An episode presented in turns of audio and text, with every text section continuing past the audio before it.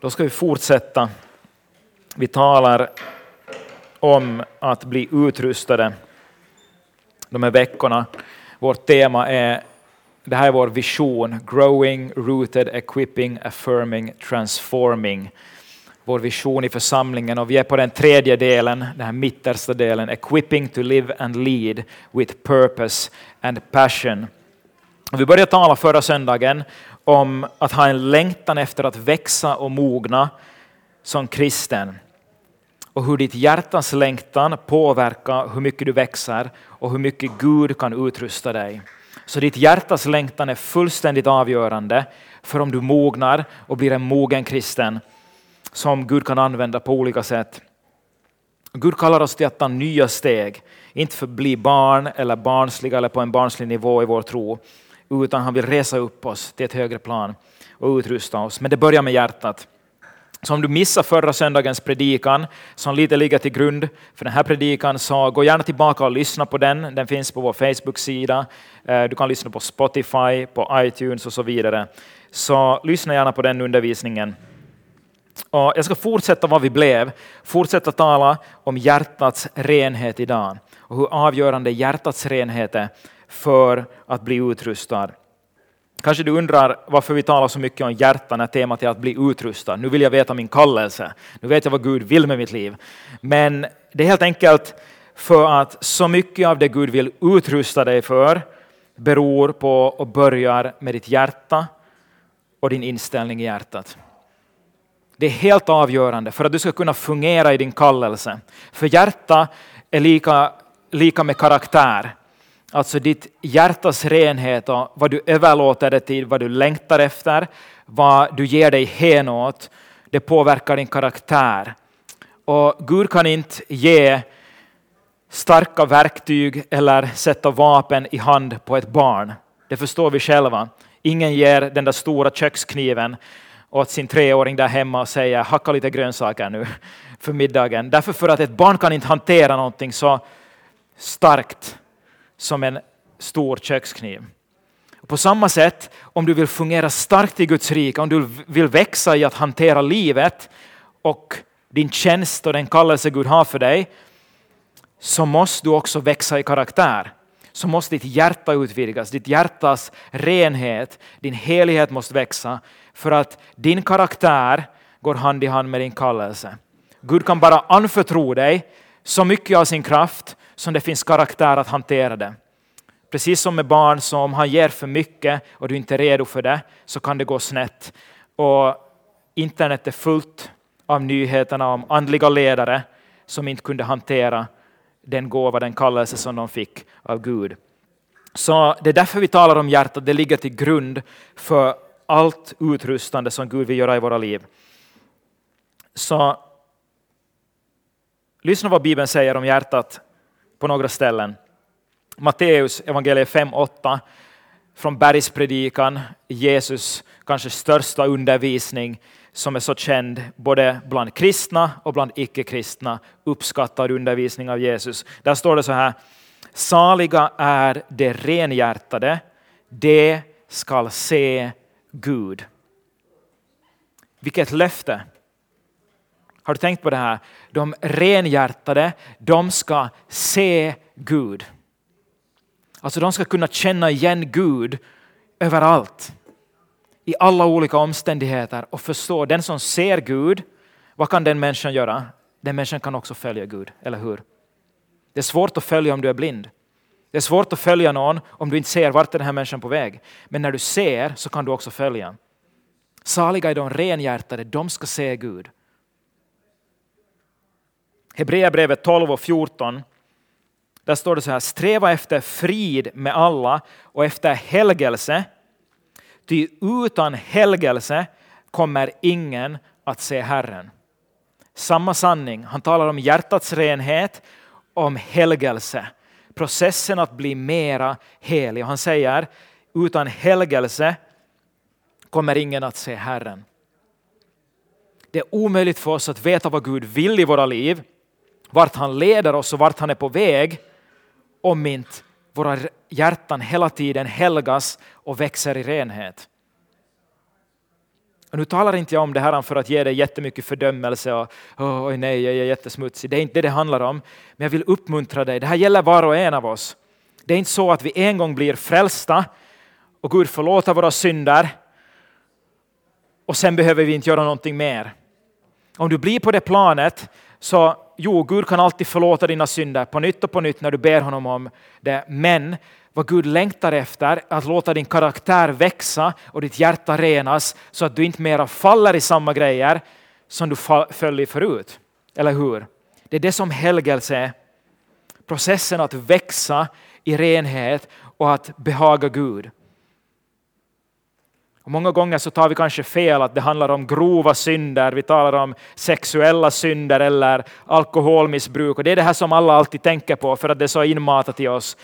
Men vad om det bara handlar om att göra det som Gud säger? Om Gud säger att Nej, men nu ska du inte sätta pengar på det, utan du ska istället kanske så in i ett Guds rikes arbete. Eller du ska ge de här pengarna åt din vän eller din släkting som behöver det. Gör jag då det Gud säger? Kanske det handlar om sådana grejer. Jag är villig att följa i allt som Gud ber mig om. Vad om Gud säger att ja, men vet du vad, det är dags att du växer ur, ur ditt höga temperament och att du slutar att alltid direkt reagera med känslorna så fort någon säger någonting. Kanske det är dags att ta nästa steg och växa ur det och tänka efter och kunna svara vänligt också då när människor är elaka mot dig. Kanske det handlar om sådana saker. Hänger du med att växa i karaktär? Det är inte bara de grova synderna som vi oftast tänker på. Det handlar om att hela tiden längta efter Gud. Hjälp mig ta nästa steg i helighet. Förstår du hur viktigt hjärtats renhet är och hur viktigt hjärtat är? Så här säger Lukas evangeliet 6, 43 45. Det finns inte något bra träd som bär dålig frukt, inte heller något dåligt träd som bär bra frukt. Ett träd känner man igen på frukten. Inte plockar man väl fikon från tistlar eller vindruvor från törnbuskar. En god människa bär fram det som är gott ur sitt hjärtas goda förråd och en ond människa bär fram det som är ont ur sitt hjärtas onda förråd. Ty vad hjärtat är fullt av, det talar munnen. Trädet är ditt hjärta och din karaktär. Trädets kvalitet beror på vad som kommer ut ur ditt liv. Det som kommer ut ur ditt liv berättar om vad som finns där inne. Från ett dåligt träd kommer ingen bra frukt. Det betyder att om jag vill växa i att göra Guds vilja och se hans, Guds rikes resultat i mitt liv, så måste någonting hända på insidan. Om inte jag ännu ser frukt och resultat på det sätt som Bibeln talar i mitt liv, då behöver någonting växa. För när hjärtat förändras, när trädet förändras, så förändras också frukten i mitt liv. Och var och en av oss, det är ett enkelt test, kan gå tillbaka och se vad flödar ut ur mitt liv. Vad händer i olika situationer? Som någon sa en gång att det är när du klämmer på citronen som du ser vad som kommer ut ur den. Det är då den sura saften kommer ut. Alltså under press, i olika situationer, vad är det som händer i ditt liv? Vad kommer ut? Vi behöver inte se på andra, vi kan se på oss själva. Ett korrupt, ett sjukt eller ett smutsigt hjärta kan inte ge upphov till goda saker i ditt liv. Det är därför om du vill se dig själv bli utrustad för liv och tjänst som du behöver ta itu med hjärtat. Om hjärtat är fullt av tistlar och törnbuskar kan man inte få förvänta sig att få goda fikon eller vindruvor i livet. Alltså de där positiva resultaten. Men samtidigt är det här väldigt uppmuntrande. Om du nu känner dig nedslagen så kommer det att komma mycket uppmuntrande ännu. Var lugn, vi är på väg mot det. Samtidigt så säger Jesus det här, lyssna, han säger att det finns potential i ditt hjärta för både det goda och onda. Han säger att en god människa hämtar fram ur sitt hjärtas goda förråd det som är gott och en ond människa hämtar fram från sitt hjärtas onda förråd det som är ont. Och, det är en väldigt djup sanning. Jag vet inte om du har stannat upp och tänkt på det, men det är en väldigt djup sanning som Jesus talar om. Och han säger att oavsett om du är frälst eller inte så finns potentialet för både gott och ont inom dig. Det finns ett gott förråd och det finns ett ont förråd. Vi kommer inte ifrån det, fast du helgas hela livet så kommer det att finnas frestelser där. Så kommer det att finnas utmaningar där. Saker som lockar på dig att göra de där felaktiga besluten. Det finns ett ont förråd. Men han säger att du har makt. Och när du har blivit frälst så är du frigjord. Du har kraften att välja från vilket förråd du plockar ut grejen. Du har möjligheten att välja. Om vi inte har det i egen kraft så kan jag lova dig att vi har det i Guds kraft. För han är med dig. Guds nåd är tillräckligt för dig. Vi läste det bibelstället under lovsången efter, efter predikan förra söndagen. Paulus säger när jag är svag, då är jag stark, för Guds nåd är tillräckligt för mig. Alltså Guds nåd har kraft så jag kan välja, jag kan lära mig att välja och plocka fram saker från det goda förrådet. Många tror att vi inte har ett val, att vi är slavar under olika saker. Och på sätt och vis, om du hänger dig åt synden, om du fortsätter att göra de dåliga valen och följa de dåliga vägarna, så säger faktiskt Jesus i Johannes 8, han säger att den som gör synd blir syndens slav. Men då är det du själv som väljer synden och det är du själv som gör dig till slav.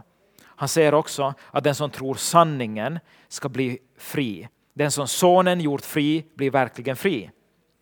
Så det betyder att, att fast det finns det onda där så kan vi växa i att välja det goda genom Guds nåd.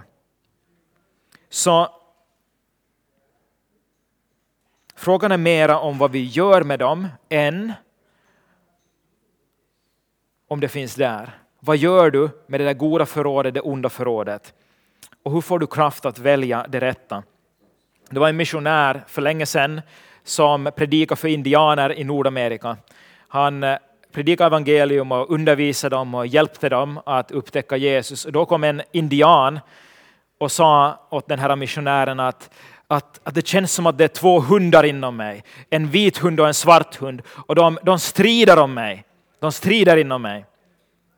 Och så frågar han missionären, men vem kommer att vinna? Vem kommer att vinna? Kan du berätta åt mig? Och så funderar missionären en liten stund och så sa han att, att den hund som du matar kommer att vinna. Och det är sant, det är precis i enlighet med, med Jesu undervisning. Det du ger mat åt, det du fortsätter att så in i, det du fortsätter att följa, det kommer att få kraft i ditt liv. Om du ger mat åt den där svarta hunden inom dig så blir den starkare och den vita hunden blir utan näring. Det är helt självklart att den som har ätit sig stark, mätt och har energi vinner i en fight över den som är utarmad på energi.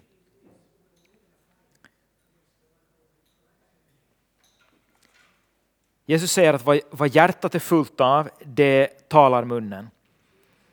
Och kanske vi tänker för bokstavligt på det, men vad han säger är egentligen att, att det ditt hjärta fylls av, det du jobbar med, det du gör ditt hjärta till tillsammans med Gud och bearbetar, det är det som flödar ut ur ditt liv.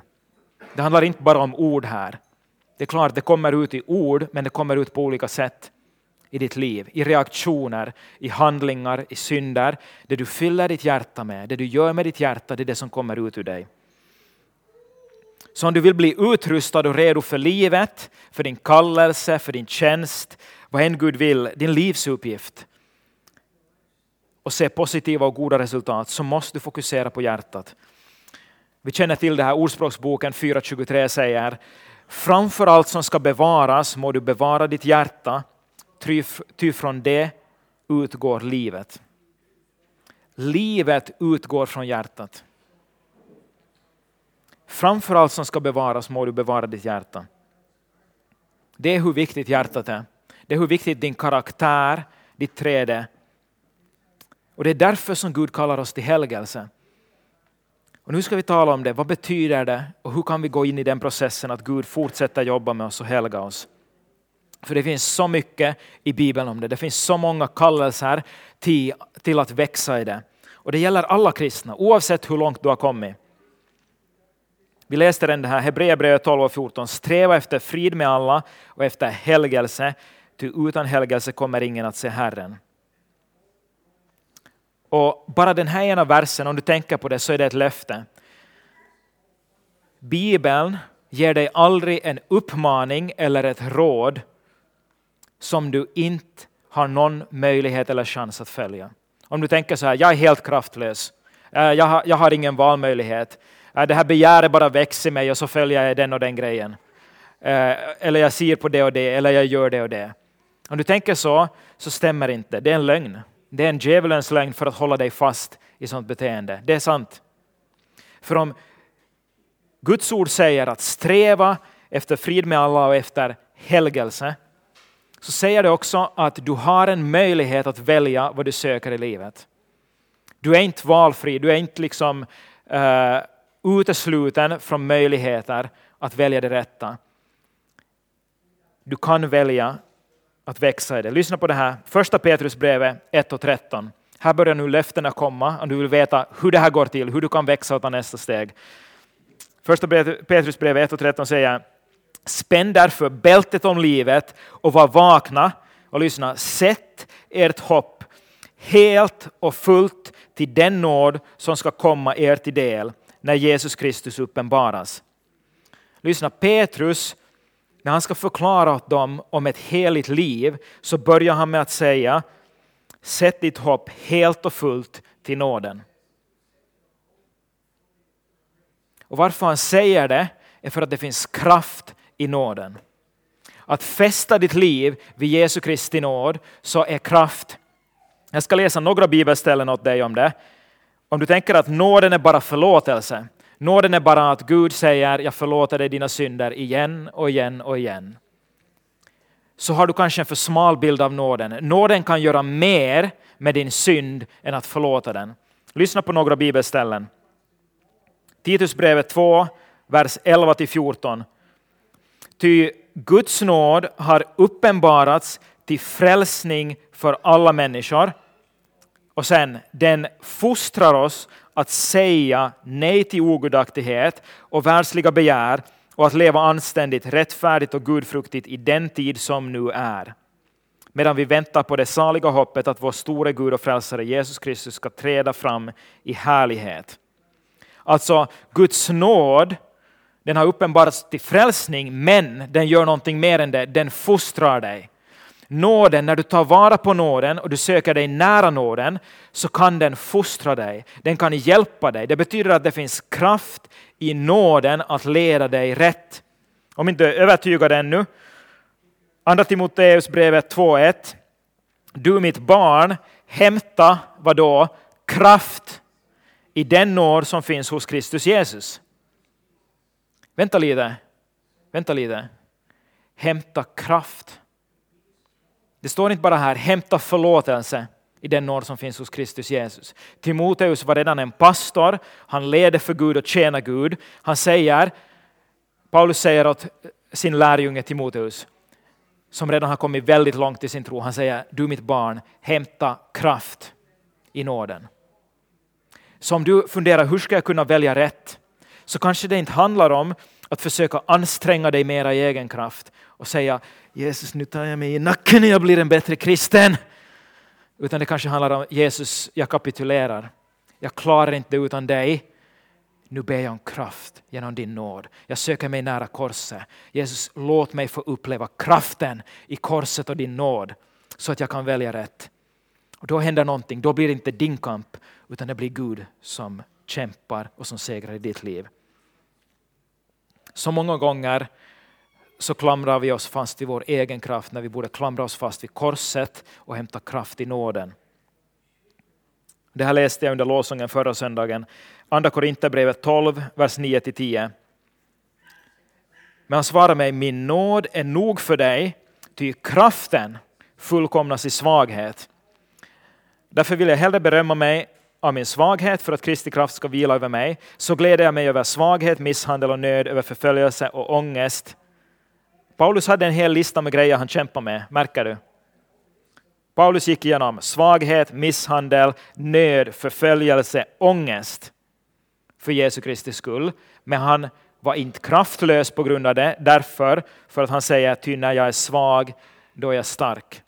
Och vad bygger det här uttalandet på? Många gånger tänker vi bara ah, när jag är svag, då är jag stark. Men han börjar med att säga min nåd är nog för dig.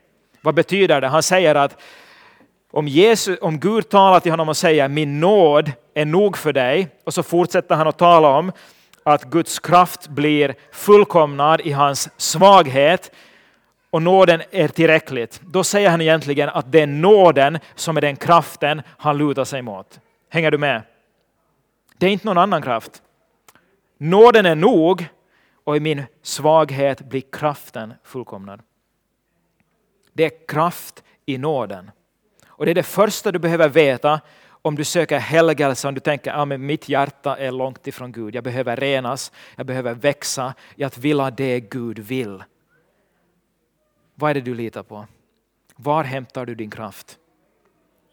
Hur gör man det praktiskt? Jag ska berätta åt dig.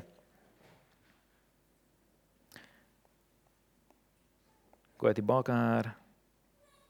Hur gör man det praktiskt? Så vi var i första Petrusbrevet 1 och 13 där han säger sätt ert hopp helt och fullt till den nåd som ska komma er till del.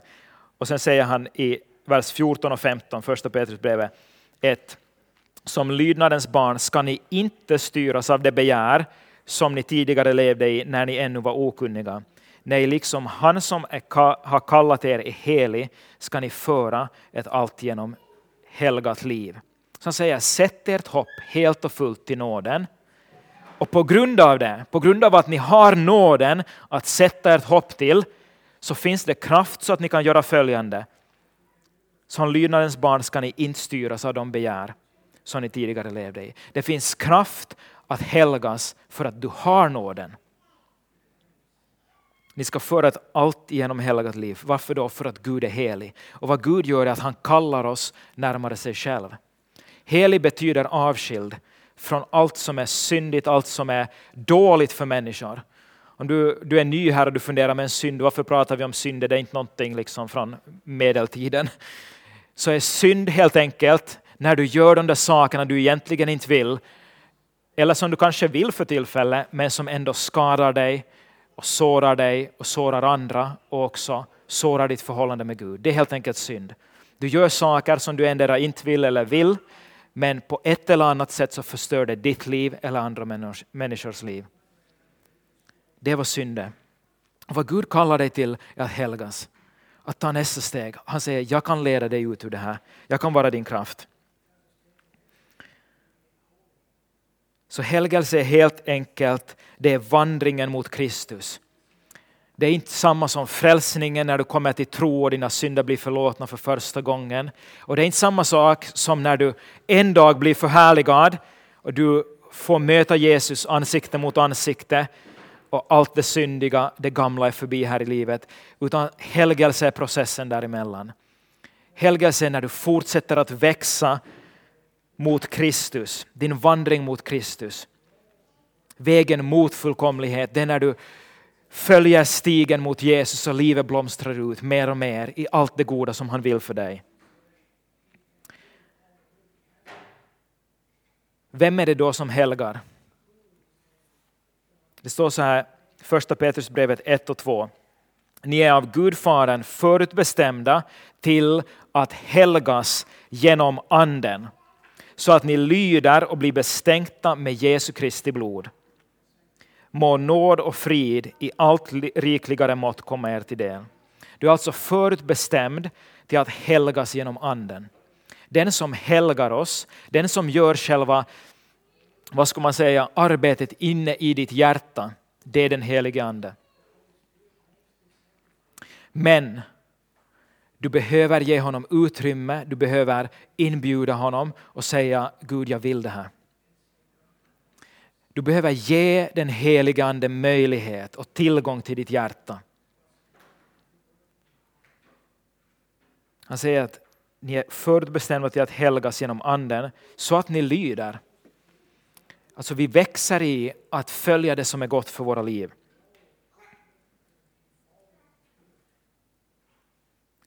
Och Samtidigt så har vi ett ansvar.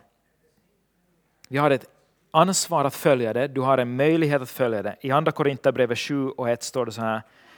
då vi alltså har dessa löften, mina älskade, alltså när vi har så många löften på vad Gud vill göra i våra liv, så låt oss rena oss från all besmittelse från kött och ande och i Guds fruktan fullborda vår helgelse. I Guds fruktan fullborda vår helgelse. Och det är också Jesus som helgar dig. Hebreerbrevet 2.11 säger så här. Jesus som helgar och det som helgas är alla av en och samma släkt. Därför blygs han inte för att kalla dem bröder. Jesus helgar och det är vi som helgas och vi är släkt med honom. När vi har kommit till tro så är du en del av Guds familj. Och Det står här att, att Jesus som helgar och vi som helgas är alla är av en och samma släkt. Så det är Jesus som helgar dig genom den helige Ande. Så det här är någonting du inte kan göra själv. Du kan inte bestämma dig för och rena dig själv. Utan det är någonting som Gud måste göra det i dig och samtidigt så, så säger Bibeln att du kan bestämma dig för att du vill det. Vill jag inbjuda den helige Ande att rena mig?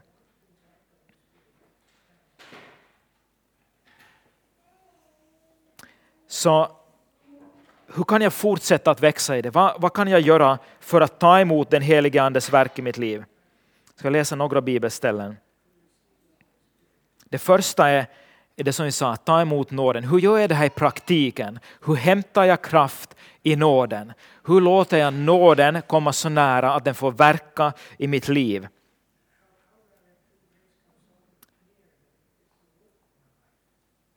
Första Korinthierbrevet 1 och 9 säger så här. Gud är trofast som har kallat er till gemenskap med sin son Jesus Kristus, vår Herre. Vår första kallelse, många tänker så här, jag vill hitta min kallelse, jag vill veta vad Gud vill med mitt liv. Vad har han för plan?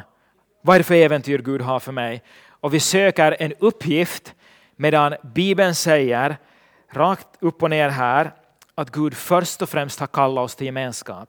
Det första är att söka dig nära nåden och börja lyssna till Jesus. Ta vara på möjligheten att be till honom och lyssna in vad han säger.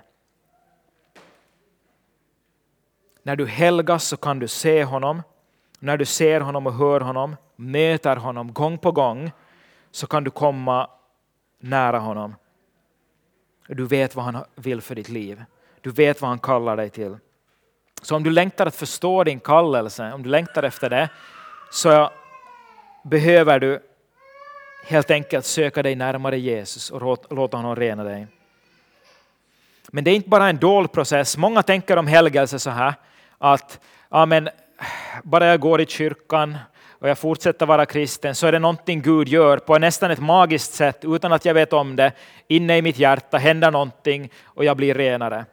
Och det har ingenting med mig att göra. Att jag måste bara vänta och se vad Gud gör.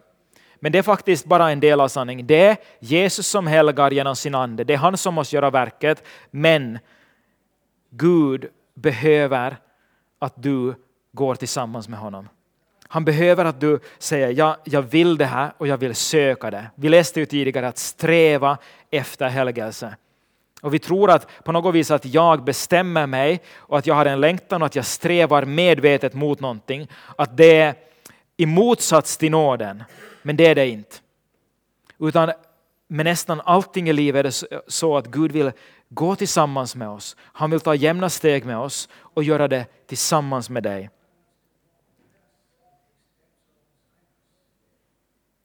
Andra Thessalonikerbrevet 2 och 13 står det så här.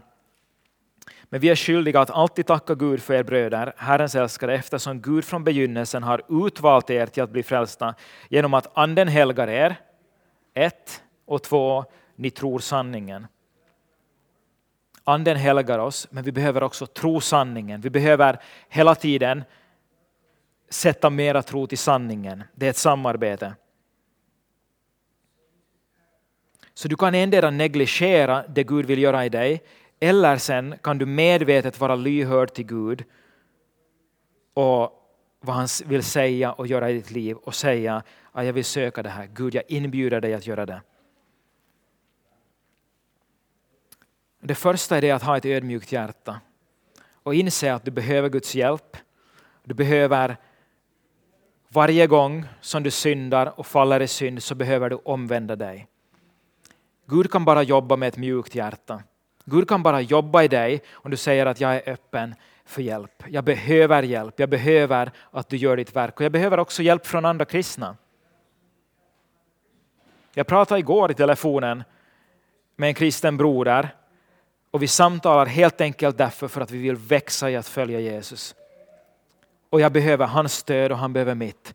Och på det sättet så peppar vi varandra och står med varandra. Det finns saker, val jag kan göra. Jag kan välja att ringa en vän, en livlina och få hjälp mitt i min vardag.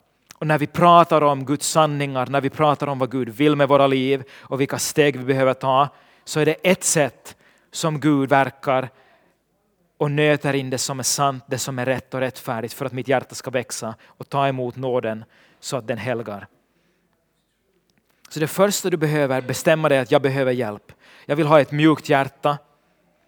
Och när helst jag syndar så tänker jag låta den helige Ande tillrättavisa mig och jag vill omvända mig.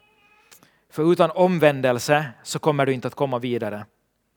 Utan ett hjärta som säger varenda en gång jag förstår att jag gör fel så vill jag omvända mig från det. Inte bara tänka ah, jag försöker bättre nästa gång. Nej, det var bara en gång. Bortförklara det, hitta på ursäkter varför det gick snett. Nej, utan ta det till Gud och ta ansvar. Ta ansvar. När min kära mamma studerade till att bli diakon inom lutherska kyrkan så hade de en lärare. Och alltid när de sa att ja, men, alltså det, den människan gjorde sig och så, att, att det gick snett därför och därför, så sa den här läraren, vem äger problemet? Vem äger problemet? Och det där har följt med oss hela barndomen. det är faktiskt så att ganska många gånger när jag försöker skylla på andra saker så är det jag som äger problemet. Det är jag som har makt att göra någonting åt saken. Vem äger problemet? Jag behöver, om du vill växa vidare, så behöver du ta ansvar för ditt hjärta och vad du gör, dina val. För du har ett val. Och det betyder att ta ansvar för det betyder att komma till Jesus och säga Jesus, jag ödmjukar mitt hjärta. Det är jag som har syndat mot dig. Det var inte någon annan människas fel. Det var ingen annan som fattade beslutet för mig. Det var jag som syndade och jag vänder om och jag ber dig om hjälp att växa från det här. Och när du omvänder dig, när du har ett mjukt hjärta, då kan Gud också upprätta dig. Och då när du gör det här gång på gång, det kan vara att du måste göra det här dagligen och sju gånger om dagen. Och Gud lovar att förlåta dig varje gång. Gud lovar att dra dig tillbaka in i sin närvaro. Varje gång du omvänder dig så får du en ny chans. Men när du fortsätter att göra det och ödmjukar ditt hjärta, då får Guds nåd verka i dig. Det är det första du kan göra. Det är ödmjuka ditt hjärta och omvänd dig varje gång. Det är ett sätt att ge nåden och den helige Ande utrymme i ditt hjärta att verka. Hänger du med? Sluta med bortförklaringar, sluta sopa över det att det var inte så farligt. Ta ansvar för det. Ta det till Jesus.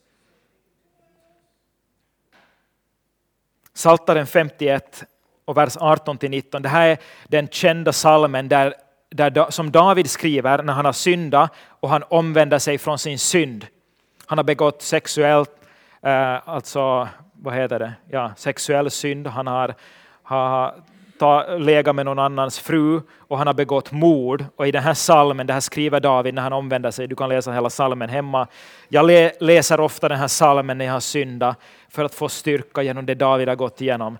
Och så kommer han till den här punkten i vers 18. Han säger slaktoffren gläder dig inte, annars skulle, skulle jag ge dig sådana. Brännoffer tycker du inte om. Obs, offer som Gud vill ha är en förkrossad ande. Ett förkrossat och bedrövat hjärta föraktar du inte Gud. Vi tror många gånger att det är våra offer vi ska ge åt Gud. Ja, nu ska jag bara få på gudstjänst och lovsjunga Gud bättre. Nu ska jag be lite längre böner. Då tar Gud mig tillbaka. Men det handlar inte alls om det, för det är ju inte nåd. Det är gärningar. Utan det offer, ditt högsta offer du kan ge åt Gud, det är att du har en ödmjuk. Förkrossad betyder inte sönderkrossad, obs. Det handlar inte om att ha ett sönderkrossat hjärta, utan förkrosselse handlar om att jag blir bedrövad över min synd. När jag gör fel så blir jag bedrövad och jag vill komma tillbaka till Gud och ödmjuka mig. Han säger att det här är det finaste offer du kan ge till Gud. Det är mycket mer värt än att du ber långa böner och gör goda gärningar. Det är att du alltid har ett ödmjukt hjärta, för ett sådant hjärta kan Gud jobba med. Okej, vi måste gå vidare. Eller ska vi ta en röstning om hur länge vi vill att predikan håller på? Okej, vi gör inte det idag i varje fall. Eh, det andra är bönens väg. Bönens väg. När du ber så kopplar du samman med Guds ande. Många förstår inte det här att, att bönen är ett sätt att koppla med Guds ande och ge Guds ande möjlighet att verka i dig. Du behöver inte försöka vara eh, modig och stark och ha fina ord i bönen. Det säger Jesus i bergspredikan, utan du kommer till Gud och du söker honom och pratar med honom om det som du behöver hjälp med. Du pratar med honom om allting i livet och lär dig att stilla dig och lyssna in Gud. Be Gud att helga dig genom sin ande. Det är min dagliga bön. Gud, låt mig växa i din renhet. Helige Ande, kom med din eld. Bibeln talar om att den helige Ande är en eld. Och låt din eld bränna bort det som är fel i mitt liv. Mina dåliga motiv, mina synder, mina orena handlingar, mina felaktiga ord. Kom med din eld och rena mig. Du kan be den helige Ande att verka och när du gör det gör du, ger du honom tillåtelse att verka i ditt hjärta. Första Korinthierbrevet 2.10 säger Ty för oss har Gud uppenbarat det genom sin ande. Anden utforskar allt, också djupen i Gud. En av den helige Andes uppgifter är att uppenbara saker i ditt liv. Och när du söker den helige Ande så kan du be helt enkelt helige Ande belys och avslöja i mitt liv det som inte behagar dig. En enkel bön. Den helige Ande är ljus. Kristus är ljus och när du ber kommer ditt ljus, belys i mitt liv. Det kan vara att mitt i allt lyfter den helige Ande fram någonting du aldrig har tänkt på. Vänta lite, så här kan jag ju inte göra. Det här är ju en dålig inställning till, till den och den saken. Det här behöver jag få en ny inställning, ett nytt sinnelag. När du gör det här, alltså många gånger tänker vi att bara jag ber om förlåtelse för en synd eller något jag gör fel, så får vi se vad Gud gör med det. Men vänta lite, kan inte jag ta den där situationen in i mitt böneliv och be Gud uppenbara hur jag kan göra istället? Gud visa mig dina sanningar från ditt ord, hur jag kan tänka istället. Tyvärr känns det som att allt för ofta är vi kristna för bekväma för att göra det som Bibeln säger. Arbeta med fruktan och bevan på er frälsning. Det säger Bibeln faktiskt arbeta med fruktan och bevan på er frälsning. Och nu betyder det inte på Jesu Kristi frälsningsverk på korset, för det är redan fullbordat, utan igen så används ordet frälsning som den här processen, helgelse. Jag förklarade det här i förra predikan om du vill veta mer om det. Frälsningsordet används för processen att helgas. Arbeta med fruktan och bevan på din frälsning. Det betyder att istället för att be, oh, Gud förlåt mig, nu gjorde jag fel. Här. Snabbt och fixat. Så säger jag, Gud, jag tar det här i bön, den här situationen. Visa vad som hände här. Varför reagerar jag på det här sättet? Varför följde jag det här begäret? Gud, finns det någon sanning? Finns det ett löfte i ditt ord som du vill ge mig så att jag kan börja tänka på det istället och handla på ett annat sätt framöver? Hänger du med? Det finns saker du kan göra för att växa i helgelse. Mera än att bara be en snabb bön om förlåtelse. Du kan ge den heliga Ande utrymme. Vad om du istället för att be din långa bönelista för alla världens människor och katter och hundar och allt annat vad du ber för, istället ta en stund, nu tänker jag sitta tio minuter stilla och jag lägger den här situationen och den här synden jag föll in inför dig Gud och jag ber dig att tala in i mitt liv. Vad vill du göra med det här Gud? Hur kan jag ta nästa steg för att växa ur det? Tänk om det skulle föra dig längre. Det är klart att vi ska be för alla hundar och katter och mostrar och vänner också. Men vi kanske behöver göra lite andra saker om vi vill växa i helgelse.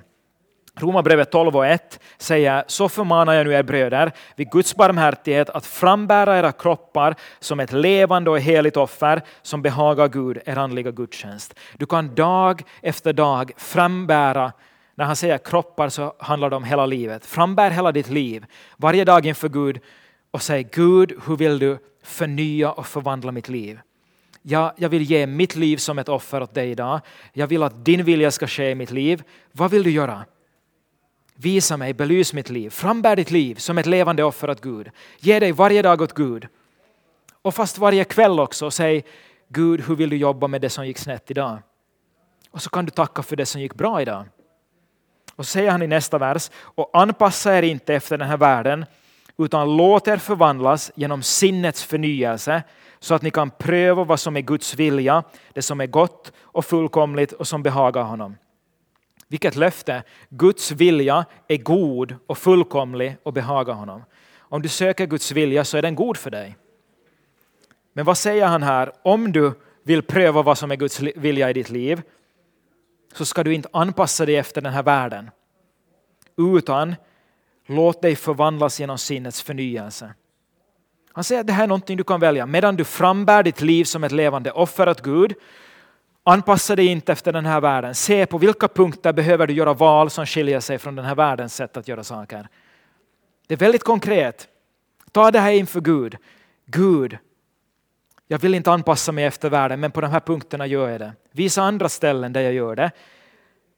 Och sen så börjar du fundera på ditt sinne. Vad har jag för tankegångar om det här?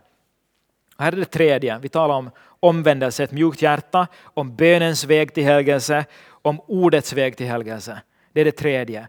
Ordets väg till helgelse. Du kan se vad säger Bibeln om den här situationen? Vad säger Bibeln om den här synden? Om du tänker att det är inte är så farligt att ibland liksom bli osams med sin broder. Det hände mig att jag en gång när jag var ung, jag var i tonåren, så blev jag störd på en av mina bröder och sa ah, din idiot, hur kan du göra sådär? Och jag glömmer aldrig blicken i hans ögon när någonting gick sönder i hans liv, när jag kallade honom idiot. Man tänker, men vad far, hur farligt är det? Alla exploderar, exploderar vi ibland. Men jag såg i hans ögon när det där ordet idiot träffade hans hjärta. Det gick rakt in i honom och någonting gick sönder där. Jag glömmer det aldrig vad ett ord kan göra i en människas liv. För synden förstör. Synden förstör varje gång du väljer synden. Och då kan jag ta det här i bön, den här situationen från mitt eget liv. Så kan jag be Gud, vad ska jag göra med det här? Jag brusar upp och slänger ur mig sådana ord. Då kan Gud leda dig till ett bibelord och belysa situationen från en ny synvinkel. Och Jesus säger på ett ställe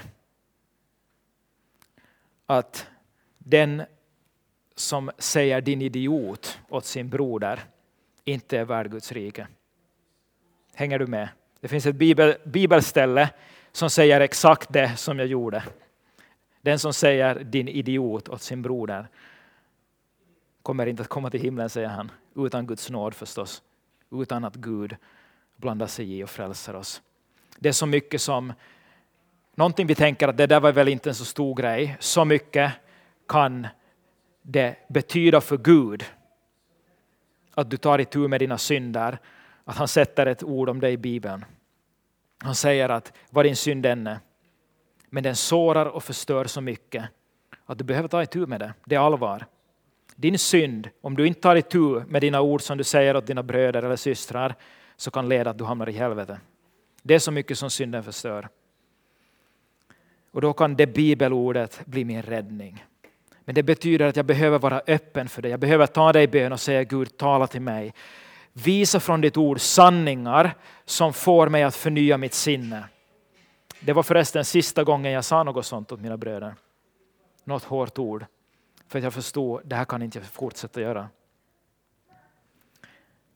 Guds ord har kraft att befria dig och förnya ditt sinne så att du tänker i andra banor. Så att du inte mera lever på den här världens vis. Jesus ber så här i Johannes evangeliet 17 och 17. Helga dem i sanning. Helga, alltså helgelseprocessen. Helga dem i sanningen. Ditt ord är sanning. Sanningen kan helga i ditt liv. Men det betyder att jag behöver läsa Bibeln, jag behöver söka i Guds ord, jag behöver be den helige Ande att läsa, lära mig bibelställen för att förnya mitt sinne.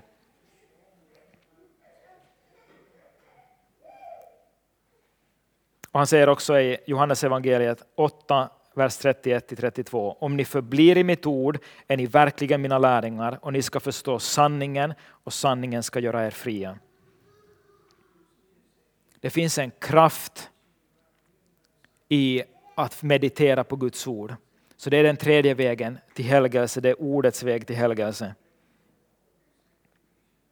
När du gör det här så blir du hela tiden mer lyhörd till anden. Och det sista, det fjärde, fjärde vägen till helgelse, det är ganska enkelt. Det är helt enkelt fly. Fly bort som, från allt som är ont. Det sista versen jag läser här från andra Timoteusbrevet 2, vers 21-22. Den som därför renar sig och håller sig borta från dessa blir ett kärl till heder, helgat, användbart för sin Herre och förberett för allt gott arbete. Hänger du med? Om vi renar oss, då blir vi ett kärl, alltså ett redskap som är helgat och användbart för Gud. Någonting som Gud kan använda. Och så säger han så här i följande vers, och det hör ihop med det här.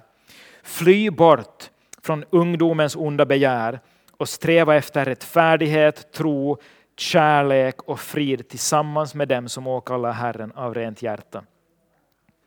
Åkallar Herren av ett rent hjärta. Han säger fly bort. Många gånger så nöjer vi oss med, ah, nu syndade jag igen, nu sa jag det här. Och förlåt mig Gud, jag ska inte göra om det. Och på en bra dag, om vi har tur, så tror vi just och just på det vi själv säger. Jag ska inte göra om det, eller hur? Men vi gör inte något mer åt synden. Bibeln säger fly bort. Du behöver inte vara ungdom för att ta det här bibelstället till dig. Fly bort från ungdomens onda begär. Fly bort från allt som är ont i ditt liv. Fly bort från det som förstör. Om alkohol är ditt problem, du blir berusad, du hamnar i slagsmål eller vad som helst. Det är bara ett exempel. Då kanske man tänker så här, nej, jag slutade dricka. Och så fortsätter man gå till baren och hänga med sina vänner. Men då flyr inte du bort, då hänger du där kring frestelsen, kring det som hela tiden är ditt problem. Att fly bort betyder att sätta en, ner, ner foten och säga att här går en gräns. Jag går inte mera till krogen, utan jag bjuder med mina vänner på kafé istället. Det är bara ett exempel. Det kan finnas så många olika exempel beroende på vad du är och vad du behöver. Sätt en gräns, håll dig längre bort ifrån synden. Gå inte ens nära den. Ett enkelt tips från Bibeln. Sök Gud för att veta var du behöver sätta gränsen och fly bort. Det är ganska starkt ord. Flyktingar flyr från sina länder och kommer till Finland. Varför då? För att kunna leva i trygghet. Att fly betyder att du lämnar ett ställe som inte är tryggt i ditt liv. Och du flyr till en plats där du kan leva tryggt. Det betyder att du måste fråga dig, vilka relationer måste jag klippa som ständigt frestar mig och drar mig till fel vägar? Det är inte värt att du lever i relationer som gör att du syndar och till slut tappar din tro och kanske hamnar i helvetet. För det kan också hända. Det är inte värt det om relationer tär på ditt liv och söndrar ditt liv så måste du ha modet att säga jag måste fly från det här. Det finns relationer som inte är bra för människan. Jag måste hitta vänner och relationer där jag kan vara trygg. Eller om det är någonting annat. Om internet gång på gång blir en frestelse för dig, för allt skit som finns på internet, då måste du klippa, du måste sätta en gräns, installera ett filter på din dator och sätta ner foten. Det får aldrig hända igen. Jag flyr från frestelserna. Om du fastnar i tv-spel eller datorspel och är uppe hela natten, det kan förstöra ditt liv och ta all din, alla dina drömmar ifrån dig. Så måste du sätta ner din fot och sätta en gräns. Jag måste fly det onda. Allt för länge lever vi och accepterar att det finns hela tiden runt omkring mig, också i mig. Att fly det onda betyder att jag lämnar någonting som är otryggt för att fara till en, ett land, en plats som är trygg för mitt liv. Det var det fjärde. fly bort från det onda. Gud lovar gång på gång att när vi gör det här så kommer han att jobba tillsammans med oss. Sista bibelstället, Filipperbrevet 2, vers 12-13. Ett löfte som jag läser här till sist.